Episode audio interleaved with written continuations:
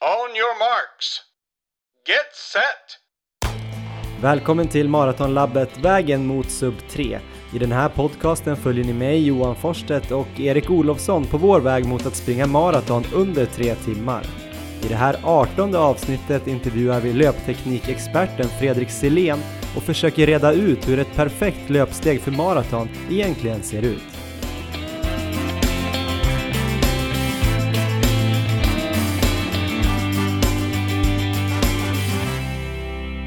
Hej Erik Olofsson! Hej Johan! Oj! Var det hårt igår eller? Ehm, nej, det var ofattbart lugnt igår. Alltså, Så det var inte, det är inte den whiskyrösten jag har jobbat in. vad är det för whiskyröst du har jobbat in då? Ehm, jag vet inte, men det är väl en dålig vana jag börjar få i den här podden att med jämna mellanrum så ska jag ha dragit på mig någon form av infektion. Så ehm, nu är vi här igen. Men du är sjuk alltså? Hur, eh, hur allvarligt är det den här gången? Ehm, ja, tyvärr tror jag att det är um, värre den här gången än mina tidigare gånger. Senaste sjukdomarna innan Madrid så var jag ju kanske, missade väl en tre fyra dagar med träning. Men nu är jag inne, med, inne på min tredje dag som sjuk och just nu så känns det värre än någonsin typ. Så att jag tror att det kommer vara en vecka i alla fall och kanske mer. Men jag hoppas att, jag hoppas att det ska gå fortare. Var det inte ungefär den här tiden inför Madrid som du också blev sjuk? Eh, ungefär lika långt innan? Eh, ja, ganska exakt tror jag. Och då snackade vi lite grann om att det kanske var bra för dig att få en veckas vila. Hur kände du att den eh, sjukdomsperioden tog på, på dig inför Madrid så att säga? Um, alltså det, det kändes som att jag missade lite viktiga pass där. Jag missade något långpass jag gärna ville få in och sådär och ehm, så att det, det känns som en sån viktig period nu så här ett par, om vi har tre och en halv vecka till maran ungefär. Så det känns som att jag verkligen skulle kunna vilja lägga på och köra hårt den här veckan. Precis som inför Madrid. Det som hände i Madrid var att jag, det kändes som att jag fick en liten formtopp efter när jag kom tillbaka. Så att jag sprang ju bra ett tag där, men sen så, jag, vet, jag tror inte det riktigt var bra kanske för själva, själva maran sen. Ehm, så, så det är lite surt, jag är lite, jag är lite bitter den här gången måste jag säga. Det var, jag, ville verkligen inte bli sjuk just nu. För det gick det har gått bra innan så det var, det var tråkigt. Vad har du sprungit här innan då? Jag såg att du gjorde något bra pass, eh, 25 kilometer i marafart. Ja, förra veckan så hade jag en väldigt, väldigt bra träningsvecka. Jag fick in, tror jag, 11,5 mil med tre stycken, tre stycken bra kvalitetspass. Och ehm, de två passen som jag körde efter vi hade spelat in förra veckan var ju först ett långpass på 35 kilometer. Där jag sprang första 20 kilometerna lugnt i kanske 5-10 fart, så väldigt behagligt. Och sen så mellan 20 och 35 kilometer så körde jag i under maratonfart, så det var ungefär 4.12 i snitt blev det. Och ehm, det gick bra, det var ju självklart tufft sista kilometerna som det ska vara, men eh, det var ett, eh, det var ett bra pass. Och sen så hann jag även med mitt sista pass här innan jag blev sjuk. Ehm, då körde jag ett sånt här tempopass som jag ville få in, eh, köra långt i um, hårt tempo helt enkelt. Det var ju inget som jag körde innan Madrid, men nu körde jag 25 kilometer i, och det var, hamnade på 4.12 snitt också, så under maratonfart. Men det var sista passet, för sen, sen kom sjukdomen. Var det för hårt eller var det bara oflyt? Eh, jag har funderat på det, jag vet inte. Det är ju, vi har haft mycket sjukdomar här hemma och så, så att jag har ju vetat om att det har ju kunnat finnas risk att jag skulle dra på mig någonting. Eh, men jag får börja kanske kolla på det här snart med hur träningen, hur träningen har varit och sen när jag har blivit sjuk om det finns något samband. Att jag kanske när jag kör mina hårda veckor så att jag blir lättare att dra på mig någonting efteråt. För nu börjar det bli, nu börjar det bli lite mycket tycker jag. Mm. Men hur orolig är du då inför Stockholm som är drygt tre veckor borta? Ja, nu är jag orolig. Nu, just att det, det känns inte som att det är på väg att bli bättre, utan det känns som att det kommer sitta i ett tag. Så att jag var väldigt, väldigt positiv i helgen, men just nu så känner jag ganska stor oro. Så att jag hoppas att jag hoppas det blir en, en vecka max då, sen att jag kan börja köra på bra igen, så att jag hinner få in lite träning innan Stockholm. Så får vi se, men ja, nej, men just nu så är det lite oroligt, det måste jag säga. Trist men det är roligt att du får fram de här Johan Olsson fasonerna här nu igen. Det känns som att du får rätt, kom in i rätt känsla ändå. Absolut, och eh, missar jag nu i Stockholm så får vi väl köra ett sånt här Johan Olsson-upplägg i Frankfurt istället och boka upp en stuga till mig i sex veckor eller någonting. och sen så, så tar vi det där. Finns det någon trevlig, trevligt område där utanför Frankfurt som man skulle kunna bo i i någon stuga eller vill du bo i fjällen eller? För det kanske börjar bli lite kallt i svenska fjällen. Ja, just Eller i det. oktober. Ja, jag ska börja kolla på, kolla på stugor i Tyskland. så får vi se. En husvagn tror jag vi kanske ska framåt i. Ja, det får, vi får se. Vi får ta det. Men själv då Johan, hur är läget i, är det i Köpenhamn du håller till? Ja men precis, sen ungefär en vecka tillbaka så är jag i Köpenhamn, jobbar med hockey-VM, följer väl framförallt Sverige i sin väg mot att eh, försvara VM-guldet från i fjol. Det går väl okej, men eh, löpningen blir lite speciell. Däremot har jag faktiskt börjat ganska bra, fått in eh, bra löpning här första helgen. Ja, Eh, Jag kom ju igång lite grann förra veckan efter Madrid och jag hade något eh, 26 kilometers pass som jag pratade om förra veckan. Sen hade jag i fredags så sprang jag ett eh, pass som var då körde jag liksom, vi pratade lite grann då också om något så här eh, om man skulle köra 4 gånger 5 kilometer i marafart, om det var typ ett formkoll inför maran. just det. Så jag börjar ha det i bakhuvudet att eh, i höst där så ska man ju kunna klara av det 4 gånger 5 kilometer eller kanske 5 gånger 5 kilometer i, i marafart och i 4.16 fart. Så jag var och kände lite på det i fredags fast jag körde 4 gånger 3,5 Okej. kilometer och så joggade jag 500 meter emellan. Eh, men det blir ju rätt långt efter ett tag då. Alltså det blev i alla fall eh, 18,5 det passet med lite uppvärmning och avjoggning. Och vilket tempo hamnar du i? Totalt var det väl eh, 4.19 på hela passet, men eh, intervallerna låg nog på 4.10 fart, Ja, de här tre och en halvorna. Och sen joggvilan 500 meter låg jag väl strax under 5, var, var tanken.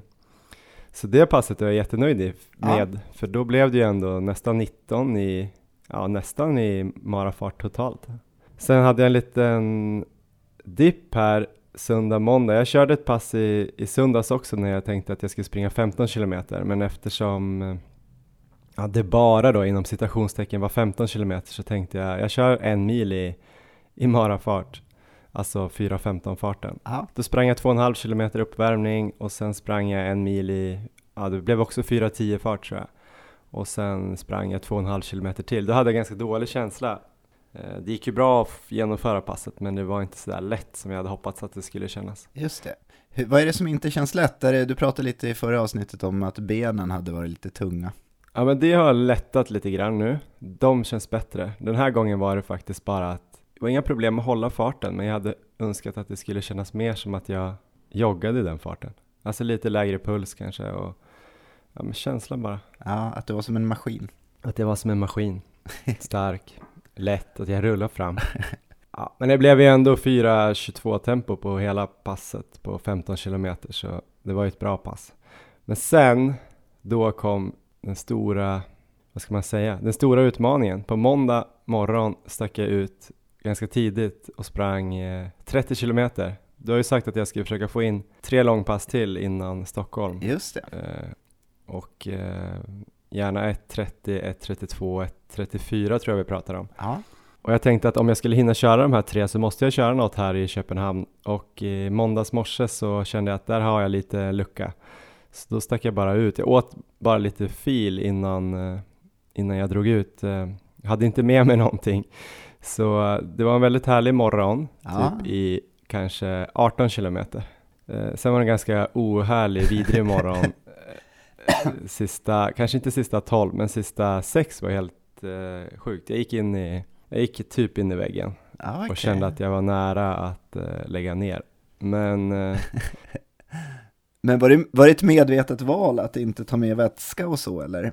nej, det var lite slarv faktiskt. Mm. Ehm, att inte ta med mig energi var väl lite medvetet för att jag tänkte att jag skulle ändå hålla så pass låg fart. Jag tänkte ligga i zon 2 eh, och tänkte att man kanske skulle kunna göra lite den här train low eh, grejen att eh, försöka bli bättre på att eh, ja, men att bli lite bättre på den här förbränna fett som energi till löpningen och sådär. Ja. Sen att inte ta med vatten var ju bara korkat egentligen. Det var bara att jag var så lite lat och stressad och stack iväg och tänkte, ah, ja, Men jag har ju klarat typ, för när jag gjorde 26 kilometer förra veckan så kändes ja. det ganska lugnt. Men så här efterhand, ja då hade jag ju faktiskt eh, två Alltså jag drack några klunkar på vägen då, för det fanns sådana här kranar i parkerna där i Paris. Ja. Här fanns det ju ingenting att få i sig, så det kanske var den lilla skillnaden. Jag vet inte. Men då kändes det som att eh, sub 3 på maraton var långt borta i alla fall.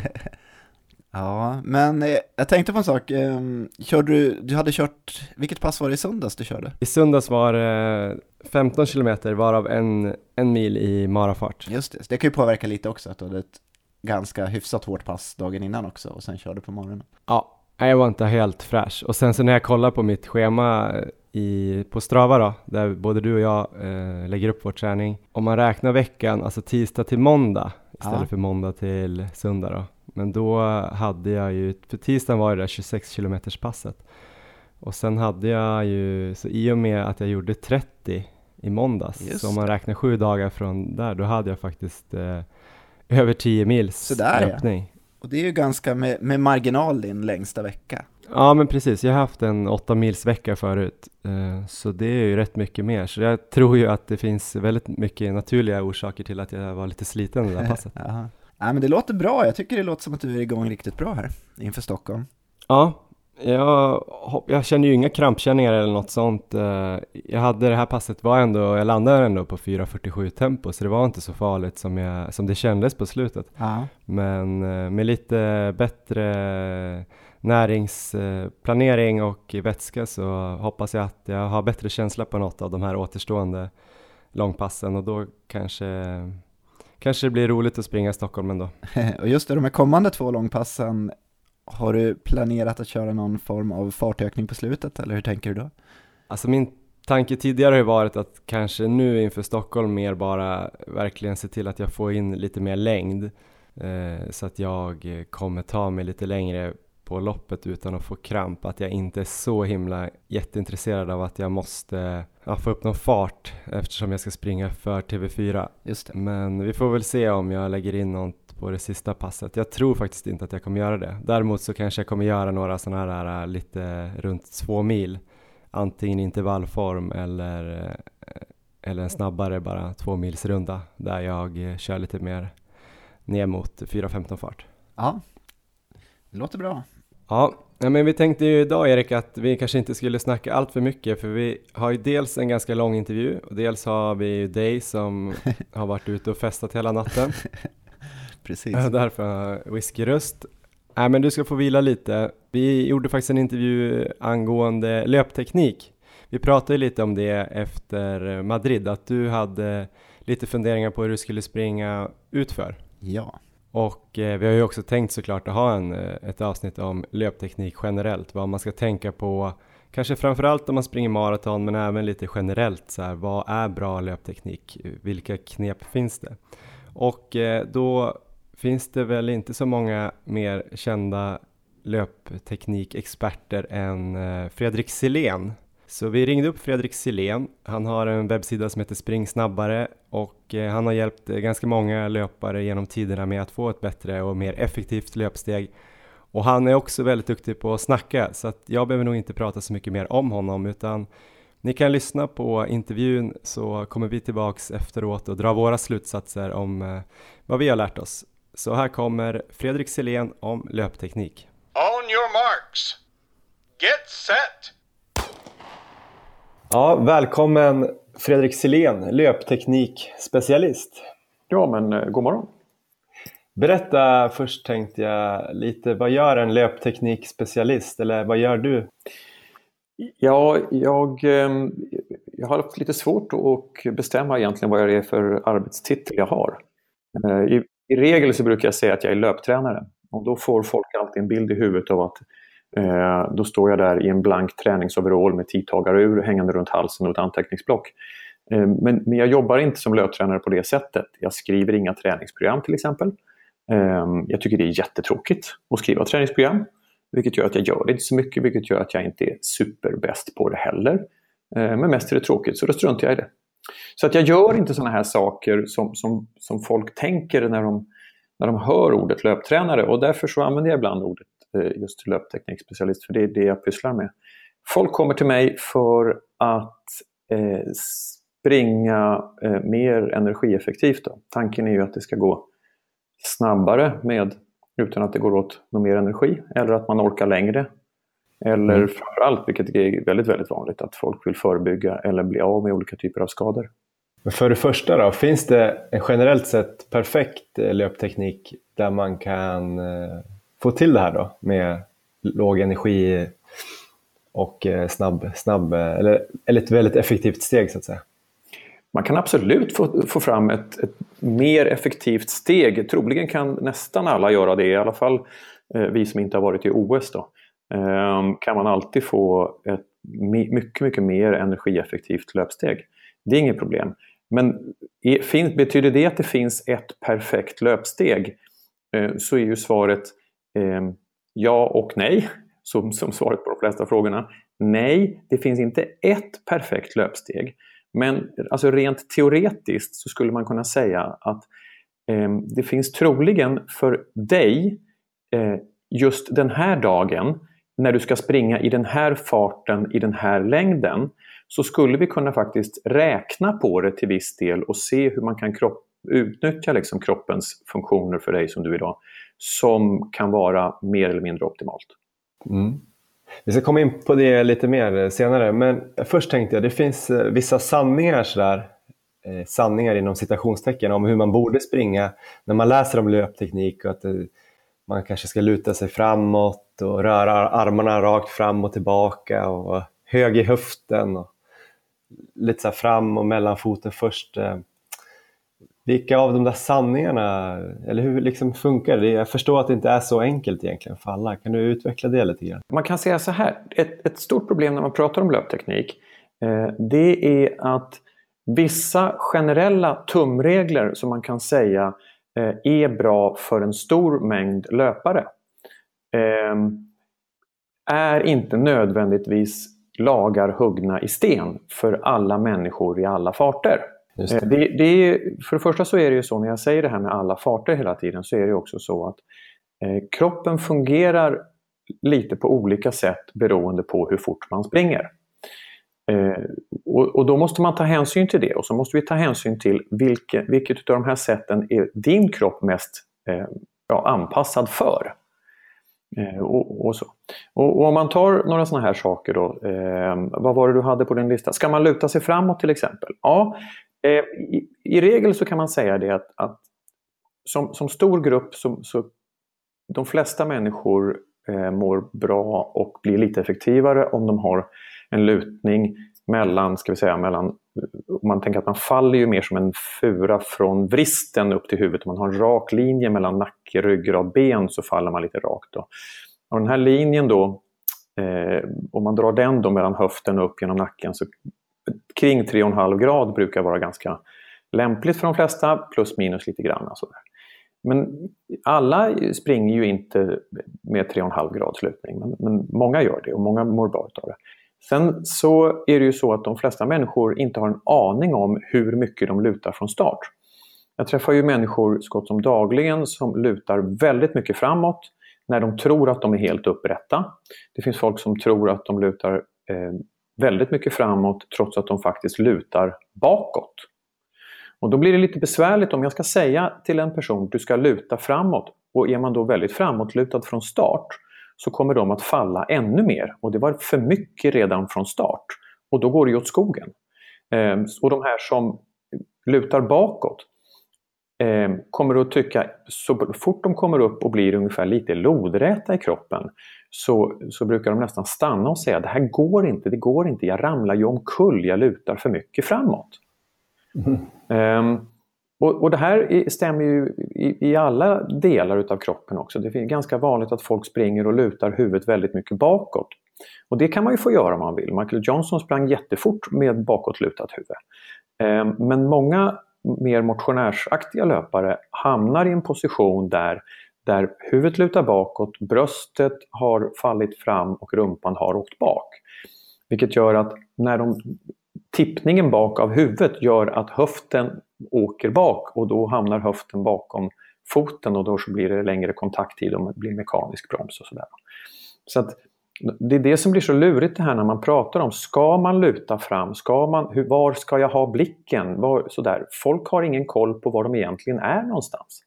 Men så finns det ju, kan man ju nörda in sig på precis varför ska man ha just den här 3,5 graden och allt annat. Men det är lite ointressant så länge man hittar folk att de blir något så när raka i kroppen. Men om man kommer till dig då, hur tittar du på eh, skulle säga, mitt löpsteg och, och vad vill du göra åt det? Och hur, hur, hur fungerar dina metoder? Ja, det, det, det, jag tittar framförallt på då, det är ju, många tror att jag börjar med att titta så här på exakta, åh vad har du för vinkel i knät eller hur, hur högt lyfter du knät eller hur fort, högt går foten upp bakom dig eller armarnas riktning. Och det är ju inte det första jag gör utan jag, ehm, det första jag gör det är ju att se helheten. Fin, finns det något eh, flow, liksom, att man har ett flow och driv i kroppen. Och det här handlar ju inte bara om de mekaniska delarna, man går också vilse gärna där. Till exempel så är det ju så att många tror att rörelser alltid kostar energi. Och så är det ju också. Nu är det säkert någon ingenjör som han blir lite arg att om du måste börja röra på någonting så måste ju energin sätta igång rörelsen, fattar du väl? Jo, det begriper jag också. Men eh, om man ska vara en effektiv löpare så gäller det att utnyttja kroppens anatomi på det bästa sättet. Och det här är ju lite grann som att om man eh, om jag ska kasta spjut så är det ju inte så att jag liksom springer fram och sen så häver jag iväg spjutet bara med armen. Nästan hela kraften i ett spjutkast kommer ju av att jag sätter ner ett stämben och sen så kommer kraften från eh, bål och höft. Det är där jag vrider upp. Och sen så kommer liksom armen som en slangbälla efteråt. Men den stora kraften kommer ju från kroppen. Och hur man kan binda ihop då olika långa muskel och bindvävskedjor i kroppen så att man får ut en optimal kraft i just spjutkastet. Då. Och så här funkar det även i löpning. Många springer och håller igen rörelser och tror då att de sparar energi. Det som händer är att de jobbar väldigt, i små isolerade muskelgrupper eh, och blir mycket, mycket svagare och mindre effektivare helt enkelt på det sättet. Till exempel det här också, sen så kan det här påverka saker, för ska du börja styra din kropp, ja, då, måste du, eh, då blir det oftast spänningar, du forcerar fram någonting. Eh, inte ovanligt att folk har hört just det här, armarna måste gå i färdriktningen. Och i princip kan mm. man säga att det här med armrörelser är jätteviktigt. Därför att eftersom det rör sig ben längre ner på kroppen, då är det kilon i rörelse i underkroppen. Då måste det vara kilon som rör sig för att balansera upp det hela i överkroppen. Och då kan man ta ut den rörelsen på olika sätt. En del rör i axelleden, typ alla elitlöpare har en väldigt god rörelse i axelleden. Det rör sig jättemycket där. Jag brukar jämföra med en sån här Barbie-docka, du vet om man har sån här axelleden på Barbie så kan man liksom röra den runt, runt. kan man ju köra flera varv om man vill på Barbie då. Men där. Och tar man inte den rörelsen, då måste, man ta en an, då måste det bli en annan rörelse. Då börjar man alltid skruva på överkroppen. Och skruvar jag då fram några kilo på ena sidan så finns det en stor risk att man för att möta den med balansen så sätter man fram en fot på andra sidan som då kommer för långt fram. Så att eh, för det första, rörelsen i axelleden är superviktig. Sen så finns det folk då som just det här är jättenoga med att armarna måste gå just i rakt fram, fram och tillbaka. Um, men då är vi där igen, då, får, då, då, stannar höften. Höften har en rörelse, en, en rotation och ett lyft i sig själv eh, som man ska ha för att vara optimal. Och om man är för noga och forcerar armarna rakt fram, då stannar höften. Och det som händer då ofta det är att man, för det första blir man mindre eh, effektiv, man utnyttjar kroppen sämre. Sen så springer man ofta för brett. Och springer man lite för brett så kan det bli stora sidokrafter i knän och höfter. Så jag har ju haft folk hos mig som har haft, jag hade en snubbe här förut som han hade ju haft knäproblem i tre år. Spenderat en förmögenhet hos naprapater. Um, och han hade då försökt lära sig en bättre löpteknik och var, hade då blivit väldigt noga med just fram och tillbaka med sina händer, eh, ingenting annat, så att höften stannade så att han sprang för brett så att han fick de här krafterna. Och då sa jag det, nej men du ska ha en rotation i höften och det är helt okej okay att vifta lite på händerna.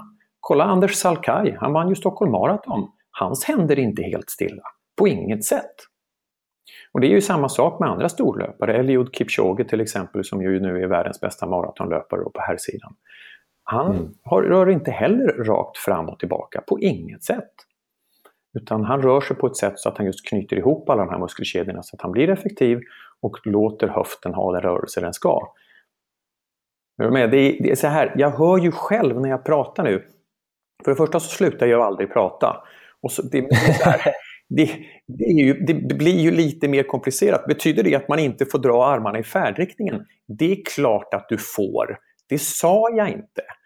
Men om jag nu ser att du inte jobbar med kroppen på ett bra sätt, ja, då kan det bero på att du har varit noga med att dra armarna för mycket i färdriktningen. Ska vi prova något annat? Och sen så kan jag göra det. För det första så använder jag ju ögonen framför allt. Eh, jag har gjort det här några gånger och, och analyserat några tusen löpare. Då. Så att eh, det, det, gör jag ju direkt. Men sen så har jag också 3D-kameror som jag använder sedan 2014. Då eh, som mäter på tiondels millimetern hur folk rör sig och vad exakt det är som kostar energi och hur krafter i höfter och knän ligger. Liksom. Vilket gör att det, man får ett omedelbart kvitto på, okej, okay, vad händer nu om vi eh, om, om den här handen fick falla in lite sådär Anders Salkai light-händer så vi hjälper till med höften. Titta, nu försvann ju krafterna i knät. Förutom att de känner det så kan, är det också mätbart liksom, med den här utrustningen. Mm. Men om du har nu analyserat över tusen personer och hjälpt tusen personer, vad är de vanligaste felen eh, som motionärer eller elitmotionärer gör när det kommer till löpsteget? Eh, eh, oj, det är lite olika då, såklart beroende på vilka de är. Men jag hjälper ju allt från, från nybörjare till, till folk i landslaget. Så ja. det är ju det är en jätteskillnad såklart. Då. Eh, man kan säga det att eh, generellt så är eh, aktivering av sätesmuskulaturen rätt underutvecklad. Eh, man är alldeles för stel kring höften, man är lite sittande eh, vilket gör att det är svårare att jobba med sätet och vilket gör att man kan få skador i allt från ryggen till plantarfascit. Eh, så, att, så att det är det absolut viktigaste, att få folk att använda kroppen, att, att hitta en, ja, helt enkelt en klassiskt mindre sittande eh, position. Problemet är ju där att om till exempel mina axlar hänger lite fram, då är det nästan omöjligt att eh, ha höften i en bra position. Eh, en del hänger fram lite med huvudet och även om de är raka i kroppen i övrigt, hänger huvudet så blir det också svårt att ha höften i en bra position. Så att det är, det är det här som blir en helhetsgrej, att har du någon som är lite framåtroterade axlar för mycket tid på kontoret och så, så får de instruktionen fram med höften, men det kommer inte funka om inte axlarna är i en bra position först. Men axlarna får då heller inte vara Alltså man ska inte dra ihop axlarna. Och framförallt ska man ju inte det här lyfta på bröstet. Det, det är ju en instruktion tror jag som har förstört fler löpare än vad det har hjälpt skulle jag säga. Mm. Det är många som kommer till mig som lyfter rejält på bröstet och det enda som händer då är att de får en rejäl svank. Och så tiltar vi bäckenet igen då så blir det mycket sämre löpning. Mm. Men du pratade tidigare om att det finns såklart eh, olika steg för olika farter ja. som är det mest effektiva. Ja. Nu ska jag och, den här podden handlar ju om att jag och min kompis Erik ska springa under tre timmar på maraton i år. Men vad karaktäriserar ett riktigt bra maratonlöpsteg då? Mm. Precis. Eh, ett maratonlöpsteg för en person som ska springa sub tre timmar på maran. Är det där vi är? Det är sant. Ja, mm. det är där vi är. Precis. För, så här, för det första så är det ju så att man kan få en, en typ gratis energi eh, genom att använda eh, elastiska strukturer i kroppen, muskler, senor, bindväv, ligament, som gummisnoddar i kroppen. Alltså man kliver ner så spänns gummisnoddarna upp i kroppen och så får man en returenergi.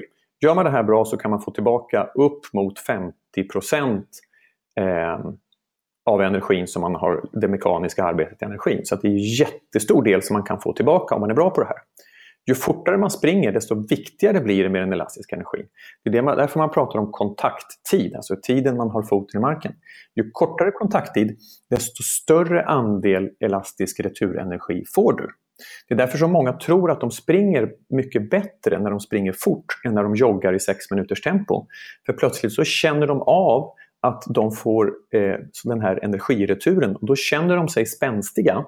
Och då tänker de, gud vad jag måste springa bra. Nej, för när farten gick upp så sjönk kontakttiden av sig själv tillräckligt för att du ska känna av det. Mm. Springer man då långsammare än vad ni ska göra, ja, då, då får man använda sig av en annan strategi. Men det, då kan vi ju prata om det sen. Men om vi tar för er då, så att, så att med sub 3. Det finns en del som kan springa på tre timmar och använda sig av en helt annan strategi och inte så mycket av den här gummisnoddseffekten också, men de är inte så många. Um, Okej, okay, vad är det som karaktäriserar ett, ett, ett bra steg? I, I, princip kan man säga då att det här med en, en kort kontakttid är bra. Eh, hur får man en kort kontakttid? Tre saker är det som styr den korta kontakttiden. För det första var man sätter ner foten i förhållande till sin tyngdpunkt. Sätter man ner foten lite för långt fram, då, då är foten i marken helt längre tid än om foten kommer eh, längre in under kroppen. Bara rent tidsmässigt, det bara klockar det. Liksom. Eh, sen så är det också det vertikala trycket. Det vill säga, om du sätter ner foten för mjukt, då spänner du inte upp några gummisnoddar. Och då får du heller ingen returenergi.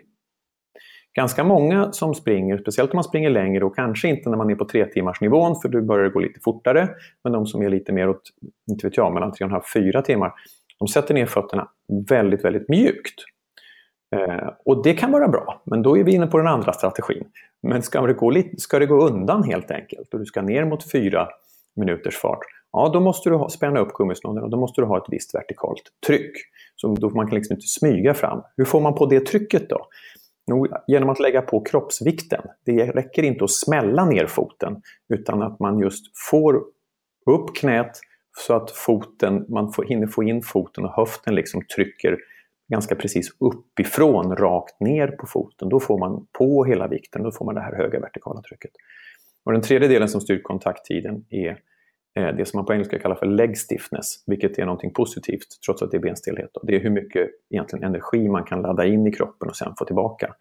Alla sådana här hopp och studsövningar, plyometriska övningar som man gör med löpskolning handlar ju jättemycket, alltså mångsteg och allt möjligt sånt där. Just att förbättra den funktionen i kroppen. Ja, Spännande. Alltså jag har inte gjort någon, eh, personligen har inte jag gjort någon sån här mätning eller någon 3D-mätning eller knappt filmat, ja, några gånger då, ja. kanske.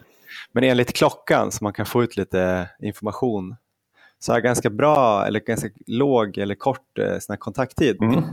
Däremot har jag också ganska låg kadens eller steg per minut mm. om man, och ganska så högt löpsteg. Mm. Är det något jag bör åtgärda för att inte slösa kraft, eh, tror du? Eh, eh, svaret är som vanligt, kanske. eh, så här då. Eh, jag känner ju själv, fan kan jag inte bara säga ja eller nej någon gång? Nej, det tänker jag inte. Därför så här då. Eh, om, man, om man tänker att alla, alla rör sin tyngdpunkt i en sån här ballistisk bana, man, man åker upp och ner. Det, det gör alla människor, det måste man när man springer framåt. Eh, få steg så blir det ju då en, en hög ballistisk bana. Liksom. Om, man hoppar, om man springer och hoppar tre steg, då har de ju ganska låg stegfrekvens på de där tre stegen, kan man ju säga. Men de har också ganska hög höjd, såklart.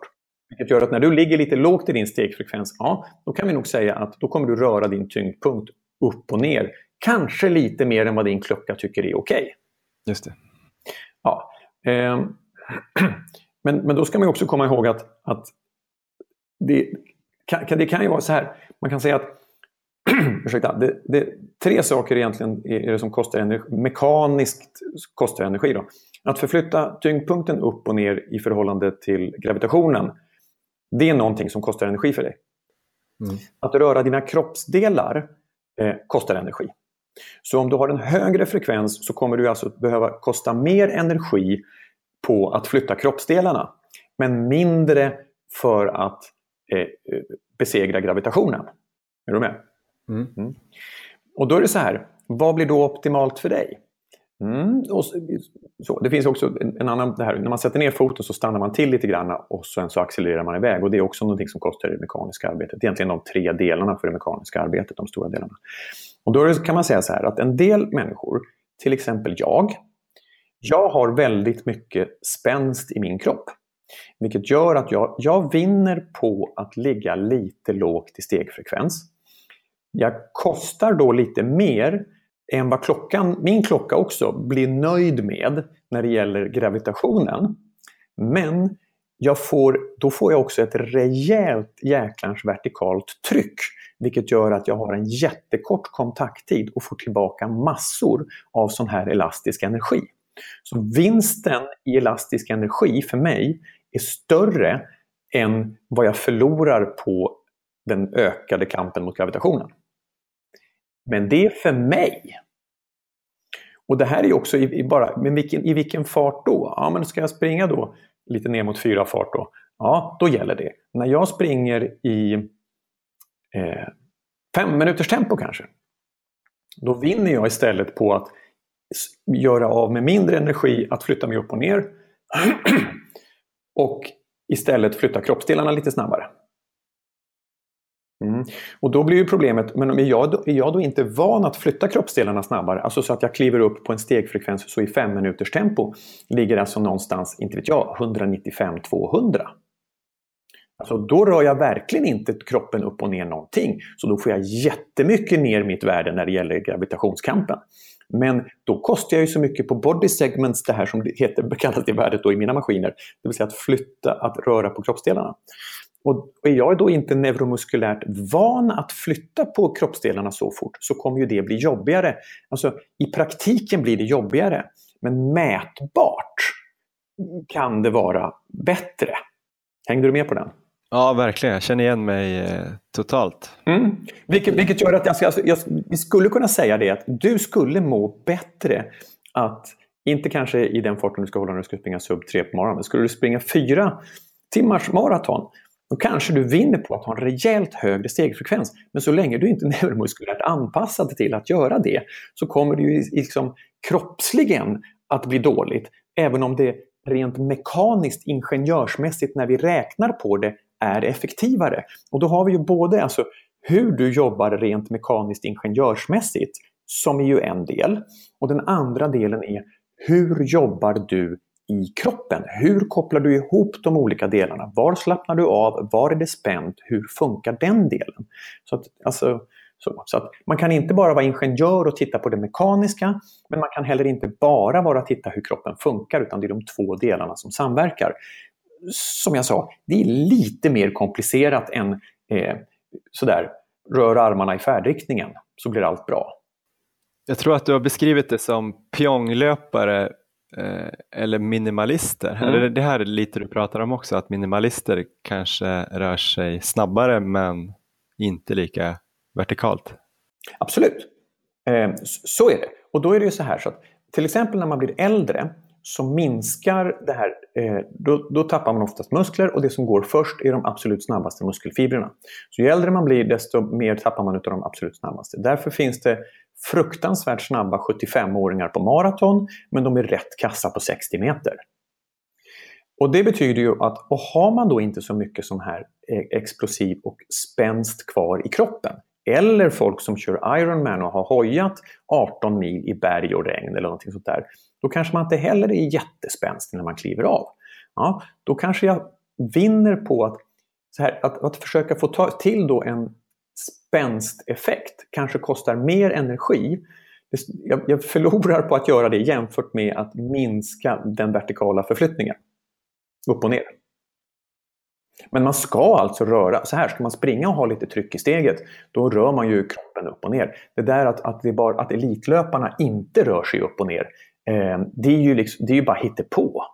Eh, det, det, är ju bara, man kan ju faktiskt titta på, eh, det finns ju många, liksom såna här, jag brukar ha såna här stillbilder som jag har på Kenenisa Bekele och Paula Radcliffe och sådär, där man ser väldigt tydligt att de är en bra bit ovanför marken. De, de, däremot så är det, skillnaden är att de, de touchar marken och så studsar de rakt upp igen medan motionärerna sätter ner foten och så kollapsar de, de ihop. Alltså de sjung, och då ser man, gud vad du kollapsar och åker upp och ner. Men man ser inte riktigt studsen upp och ner. Då. Ja, en annan ganska specifik och praktisk fråga här som jag har fått eh, skickad till mig av eh, min poddkompis Erik här. Mm. Vi sprang ju i Madrid, eh, jag sprang halvmaraton men han sprang maraton där och han hade lite problem tyckte han för det var ganska kuperat för att vara ett maraton. Och han kände att han så här efterhand sprang alldeles för långsamt i nedförsbackarna. För att han var lite så här orolig. Han hade läst om det här att man inte skulle trötta ut lårmuskulaturen genom att springa för hårt nedför. Liksom. Mm. Så finns det någonting där han skulle kunna tänka på för att inte trötta ut musklerna men ändå hålla bra fart utför och sådär? Ja, jo. Eh, alltså, det är så här, vad ska han göra? Och ska han inte springa snabbt? Jo, men, men alltså, man måste ju springa snabbt också. Alltså, så är det ju. Eh, om man, och, men då är det så här, så ska man, eh, vad ska man tänka på då? Eh, det, det, finns ju, hur, hur mycket man slaktar sina eh, eh, eh framsidelår då, eh, mm. det, är ju, det beror ju på lite grann också hur du springer ner. Det vill säga att om, om du Många trycker ganska hårt upp och så kommer de över krönet och då är de ganska nära maxpuls. Och sen så ska man försöka vila sig ner. Eh, och det som händer då är att man plockar ner stegfrekvensen och så blir det ganska dunsig löpning, lätt bakåtlutat och det blir väldigt, väldigt stora excentriska krafter. Trots att det man, alltså intentionen är att spara energi på vägen ner. Och det, det kommer att kännas som att man sparar energi för att pulsen troligen kommer att gå ner. Men du kommer få väldigt förhöjda eh, excentriska krafter i lårmusklerna. Vilket gör att man inte pallar sen. Då. Och, och, och då är det så här så att bara en ren tekniksak, det här att, att få fötterna lite mer under sig är, är ju eh, mycket bättre så att det inte blir så bromsande, vilket gör att man håller uppe stegfrekvensen. Det kan vara väldigt bra att lyfta faktiskt lite extra på fötterna. Att du tänker att du lyfter 3 cm eller 5 cm rakt upp eh, under dig, så lyfter man lite på fötterna. För när jag lyfter, gör det här lilla extra lyftet då kommer kroppen lite per automatik att sätta ner det andra benet lite kvickare. Vilket gör att jag har inte tid att dingla fram och hamna för långt fram så att du får den där, eh, det där stoppet och bromsen. Då. Så att göra det. Sen så är det igen då det här hur höften rör sig. Alltså det, det, det, höften rör sig ungefär som en kajakpaddel, liksom, upp runt eh, på det sättet. Och det är det här man, man, när man pratar om duktiga nedförslöpare så brukar de ofta säga Åh, men det är ju bara att släppa på. Tänk, benen går som ett hjul. Ja, men inte bara benen utan faktiskt höften rör sig som ett hjul. Och när man just släpper på det så kan man få väldigt hög fart och med ganska lite bromskrafter. Jag hade faktiskt en, en jag har ju såna här grupper som jag tränar med och jag, förra veckan i den ena gruppen så gick vi just igenom nedförsbackelöpning. Och då fick jag här i, i helgen så fick jag ett eh, mail från en snubbe som har sprang en tävling. Han hade varit magsjuk precis innan vilket gjorde att det kanske inte gick så snabbt totalt sett. Men då skrev han just, eh, nu ska vi se här, jag har det faktiskt framför mig här nu, jag tog fram det när jag pratade. Eh, framförallt så slaktade jag alla i varenda nedförsbacke. Helt sjukt effektiva tips. Det vill säga att det finns, man, om man bara får till de här knepen så rullar det på utan att man blir något extra trött. Just det. Vilket också kommer man, då kommer man in på det här, då. ja, men man ska inte mixtra med löpsteget. Man, alla har ju ett naturligt löpsteg som är det bästa. Ja, bortsett från att den här killen tokslaktar alla i alla nedförsbackar när han fick några tips. Ja, då, kan ju, då kunde ju han välja att eh, fortsätta springa på sitt så kallat naturliga sätt. Eller springa mycket fortare än vad han någonsin har gjort tidigare. Det är ju bara att välja. Han kan ju ta det onaturliga då, men det är ju inte naturligt så man ska väl ha det naturliga. Eller? Jag förstår. Det var ju min sista fråga här, hur mycket man ska försöka eh, experimentera eller förändra. Men tar man till exempel längdskidåkning eller något så går det ju inte att träna för Vasaloppet utan att läsa eh, hyllmeter av litteratur kring längdskidåkningsteknik. Men det är ju sällan man tänker på samma sak som löpning eftersom man har gjort det sedan man var två. Liksom. Absolut. Och dessutom är det faktiskt så att om jag eh, eh, då, man brukar säga det, spring mycket så blir du mer energieffektiv. Och det är helt sant. För så är det. Mm. För, men det är bara att titta, om jag övar en pianoskala varje dag i en månads tid, eh, då är jag rätt bra på att göra den lilla skalan. Men om jag har övat samma mm. skala i tio år, då kommer jag faktiskt att vara kosta mindre energi att göra skalan efter 10 år än efter en månads övande. Det är samma rörelser, men jag har blivit mer energieffektiv. Men det betyder inte att det var det optimala sättet att spela den skalan. Ja, men du använder ju bara två utav fingrarna. Du har blivit väldigt, väldigt mycket mer energieffektiv på det sättet du spelar skalan, men du kanske skulle kunna ha kopplat in några fingrar till och så gjort och fått dem med i matchen och då jäklar släpper det.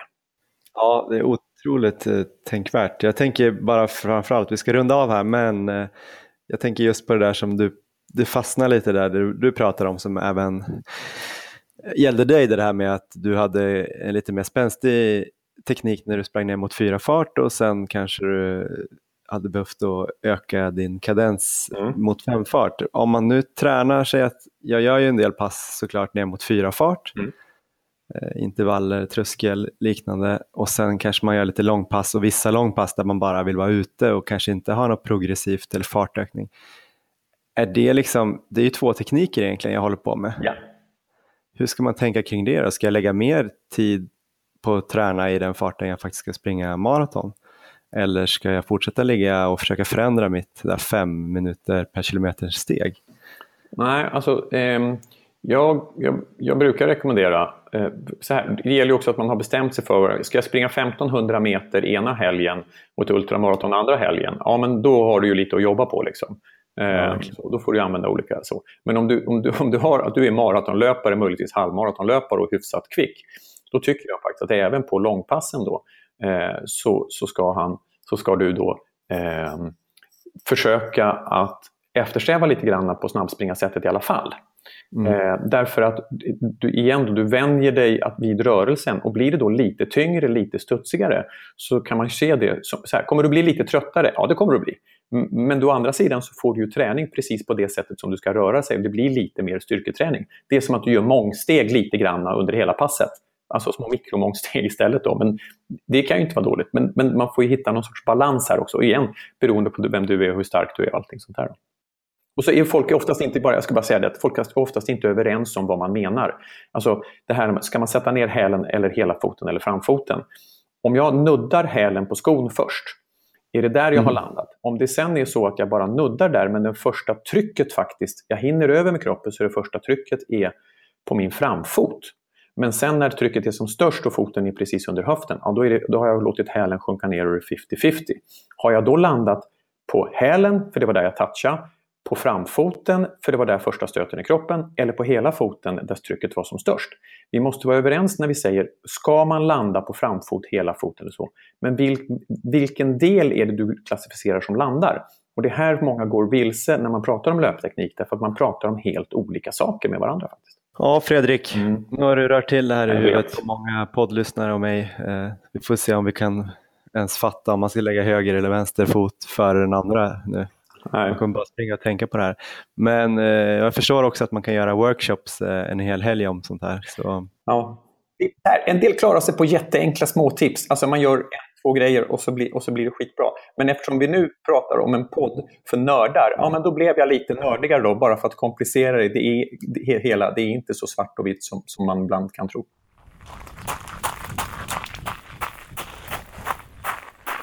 Ja men det där var alltså intervju med Fredrik Selén, löpteknikspecialist. Och om ni vill läsa mer om vad han har att säga om löpteknik eller eh, komma i kontakt med honom så gå in på www.springsnabbare.se där kan man läsa lite grann om hur han jobbar med de här 3D-kamerorna och eh, ni kan ju också kolla om han har några kurser eller om ni kan få någon egen konsultation. Erik, eh, har du 3,5 graders lutning i överkroppen när du springer? 3,4 tror jag jag ligger på, men nära. Ja, nej, men det är bra ändå. Ja, men, men, tycker du att du har koll på din löpstil då? Alltså jag tänkte på det när jag lyssnade på den här. Att, ja. För det första tänkte jag ju att det finns så himla mycket i löpsteget som man kan tänka på, så man kan ju också bli helt knäpp av den här intervjun.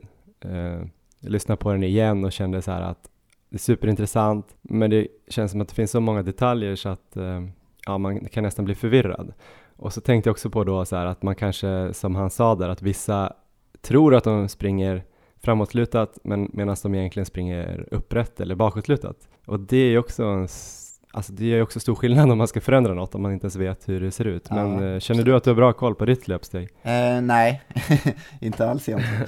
eh, så att jag, jag varit ju väldigt motiverad att göra en sån analys. Det skulle vara väldigt intressant. För jag tror säkert jag skulle kunna ta med mig väldigt mycket därifrån.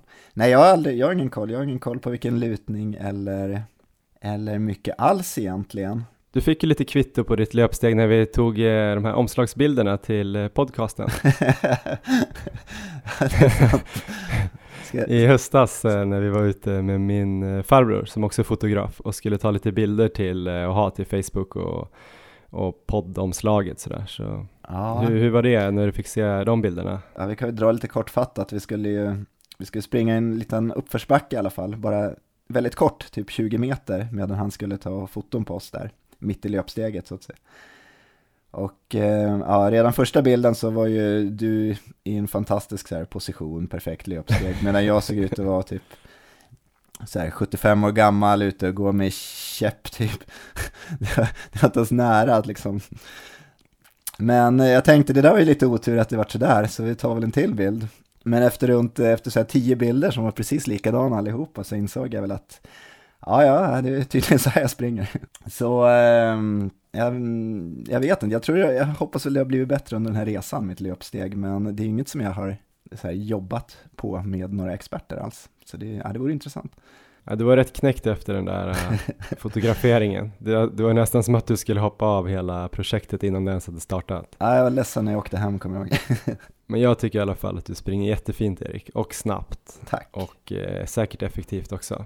Men var det någonting, eh, du fick ju lite råd där om eh, nedförslöpningen som du tyckte att du kanske hade lite problem med i Madrid, eller att du kanske bromsade för mycket, eller att du inte tryckte på i alla fall. Ja. Eh, fick du någon tankeställare där, vad, vad han pratade om? Jo, men det, det fick jag ju absolut, så det ska jag ta med mig när jag tränar nu tänkte jag, just det här tipsen om att lyfta lite extra på fötterna och sådär som man pratar om. Ehm, och försöka rulla fram som ett hjul helt enkelt. Så, det, så det tycker jag, jag tycker jag fick bra tips och ehm, jag har redan börjat på mina pass här efter Madrid att tänka mer på hur jag springer ut för och försöka få det att flyta på bättre. Ehm, sen så, ja, det var ju, var ju väldigt, väldigt mycket bra tips tycker jag, så att, eh, jag kommer definitivt lyssna igenom på den här intervjun en gång till och ehm, det finns mycket att ta med sig.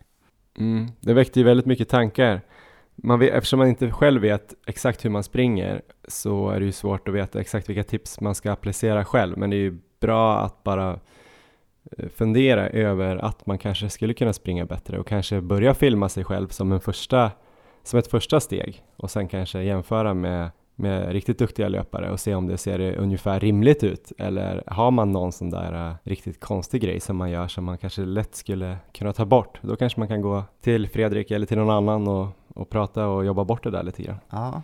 Men sen sådana här små grejer som han pratar om, att man kanske lutar bak eh, huvudet lite grann och då automatiskt fick bak höften och sånt där. Det är ju något som man kanske skulle kunna se om man filmar. Ja. Jag såg till exempel en bild på mig själv när vi som jag la upp på Instagram häromdagen, när jag precis höll på att springa ut ur bilden. Nu var det bara liksom för kameran, så jag vet inte riktigt om jag sprang exakt som jag brukar springa, men där ser det ut som att jag har lite den här Michael Johnson bakåtlutningen ja, som jag inte riktigt känner att jag brukar ha. Men då blev jag lite så här, mm, där kanske jag måste filma lite grann och springa förbi kameran och köra någon sån slow motion inspelning eller någonting på mobilen för att se så att eh, det kanske är något jag gör, fast jag tycker att jag ligger på framåt sådär. Jag, jag, tycker vi får boka in analyser helt enkelt efter Stockholm någon gång här. Mm. Um, ja, men det kanske vi skulle göra. Ja, får vi se hur det ser ut. Mm. Men eh, det jag annars tänkte att jag skulle ta med mig, det var väl det här, vi pratade ju ganska mycket om det här med eh, pionglöpare, eller om man hade kanske lite för låg frekvens, eller man kanske hade sprang lite för högt, eller vad man ska säga. På ett sätt lite för spänstigt helt enkelt, vilket kanske inte ska vara ett problem egentligen, men det har känts lite som att det kanske är eh, lite slöseri med energi på långa lopp. Men där fick jag ändå lite självförtroende att man nog kanske kan fortsätta hålla fast vid det steget. Eh, just det här man snackar om den här elastiska returenergin och att man skulle liksom trycka ner ett hårt så här, vertikalt tryck och sen få tillbaks den där energin i, i och med att senor och sånt spänns på rätt sätt och sådär. Och att det skulle bli lite automatik i, i kraften framåt. Så där känner jag ändå att jag kanske inte behöver lägga om det helt, för jag har varit lite så här, jag har haft några gånger eh, i livet höll jag på att säga, men några gånger när jag läst om det här med att man ska minst ha 180 steg per minut, att det ska vara något så här eh, optimalt. Ja. Och så har jag märkt att jag ligger kanske ner mot 170. Jag ligger ju högre och högre ju snabbare jag springer. Har du någon koll på eh. dina lopp som du har sprungit nu, ungefär vad du lägger på för stegfrekvens? Jag skulle kunna kolla det lite grann om du håller kvar här. Uh, uh, ja men nu har jag kollat Erik. Uh, I Madrid då, på halvmaran i Madrid så ser det ut som att jag hade 173 Ja, steps per minute i average under hela det loppet. Så det är ju lite under då de här 100, magiska 180. just det. Intressant. Jag har, eh, jag har sprungit, jag har sprungit tre lopp, men jag har koll på två lopp i alla fall. Och jag har legat, jag tror jag låg på 187 i Madrid, på maran där. Ja, Okej. Och eh, så pass högt som 193 på mitt eh, millopp, där jag tog pers också. Mm. Ja, men jag skulle tro utan att veta exakt att om jag eh, springer ett millopp så skulle jag nog kunna komma upp mot 180. Ja, Jag, jag, jag ligger nog vid 180 på ett millopp liksom i den farten. Eh, och så ligger jag nog lite lägre här så jag vet inte om jag skulle springa ett eh, maraton kanske ligger till och med runt låga 170 eller höga 160. Vi får väl se. Det kanske är lägsta laget men samtidigt som jag kan ligga där runt 170 så kanske det inte är någon panik då i alla fall enligt Fredrik. nej, det ser ju snyggt ut i alla fall. Ja, tills jag eh, står och stretchar och krampar i, efter 33. Då kanske det inte ser lika snyggt ut.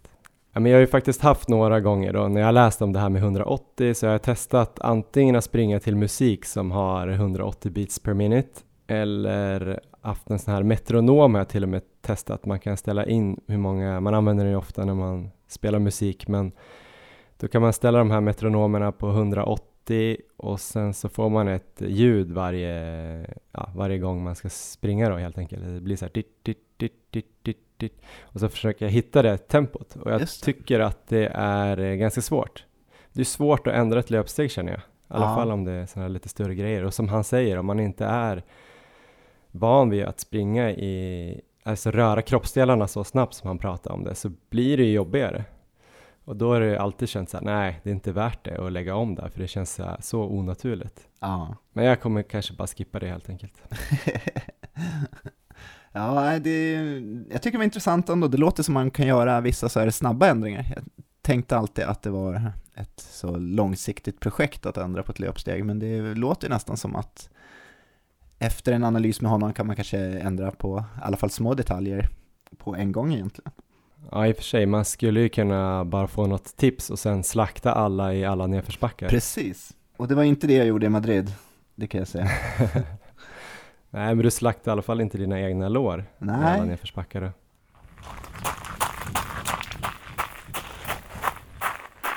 Ja, nej men vi har ju tre veckor på oss att se till att våra höfter eh, går som kajakpaddlar. eh, och så har vi nog tid på att lägga in några fler eh, långpass. Hur tänker du nu då med sjukdom och sådär? Om du blir frisk här, vad har du kvar att göra liksom? Hur, har du förändrat din plan på något sätt? ja, jag missar ju ett långpass, kommer jag garanterat göra. Och jag gissar att jag missar hela den här veckan, så att jag har väl ett långpass kvar sen. Sen har jag, nästa vecka har jag också mitt eh, preparationslopp. 16 dagar innan Stockholm så har jag ett millopp här i Uppsala som jag ska springa. Så jag hoppas väl att jag är eh, så pass frisk att jag kan springa det och eh, sen så, jag tror nog att jag lägger upp det så att jag kör nog ett långpass efter det så kanske Ehm, 12-13 dagar innan Stockholm Marathon så kör jag ett sista långpass. Kanske inte det hårdaste passet jag har gjort men jag vill ändå liksom få in bra distans på det. Lite till skillnad mot Madrid. Så det är väl planen och sen så är det väl bara att käka C-vitamin och dricka vatten och allt vad man nu kan göra för att bli frisk så fort som möjligt. Ja, du måste ju också springa lite mer och fota lite mer så vi har något att lägga upp på Instagram på Maratonlabbet. Eh, Där kan ni följa vår löpning då om ni inte bara kollar Strava där vi också lägger upp. Eh, Facebook eh, ligger vi lite efter med. Där ska vi väl börja jobba med någon gång när vi får tid. Men eh, nu har det känts lite, igår stack jag ut och sprang typ bara för att ta en bild. sen glömde jag ändå lägga upp den sen på kvällen, så jag får väl lägga upp den idag. Men då kände jag så här, fan Erik, måste han vara hemma och vara sjuk? Så han måste ut och springa, helvete. Fast det var jävligt skönt när jag var ute. Ja, bara du tar ut sen nu. Men du får skicka de här sjukbilderna, de är gulliga. ja, jag ska se om Då jag kan kan. alla sitta hemma så här, åh stackars Erik, en sjuk gulligull. Skicka, du måste gå och ta en sån nu. Ja, de är inte så gulliga kan jag meddela, men jag ska se vad jag kan göra.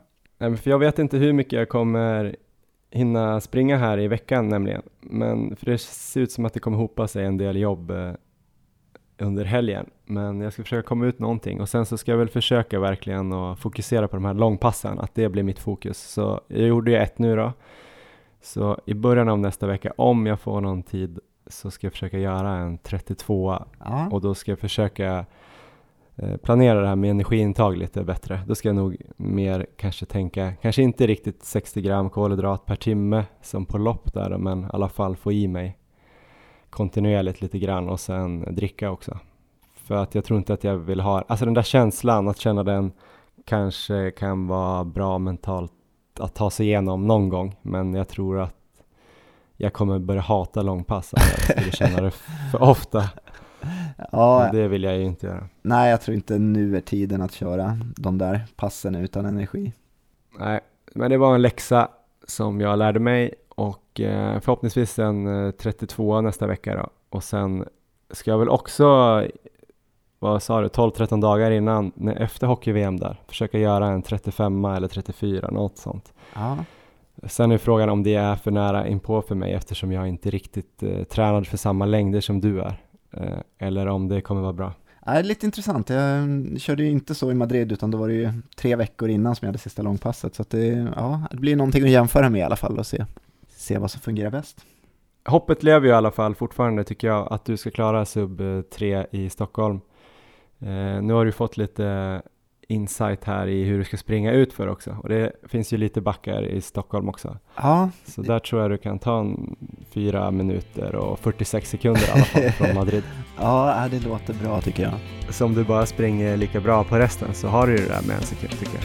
Ja, Ja men ha det bra Erik och krya på dig. tack så mycket. Ha det, vi hörs.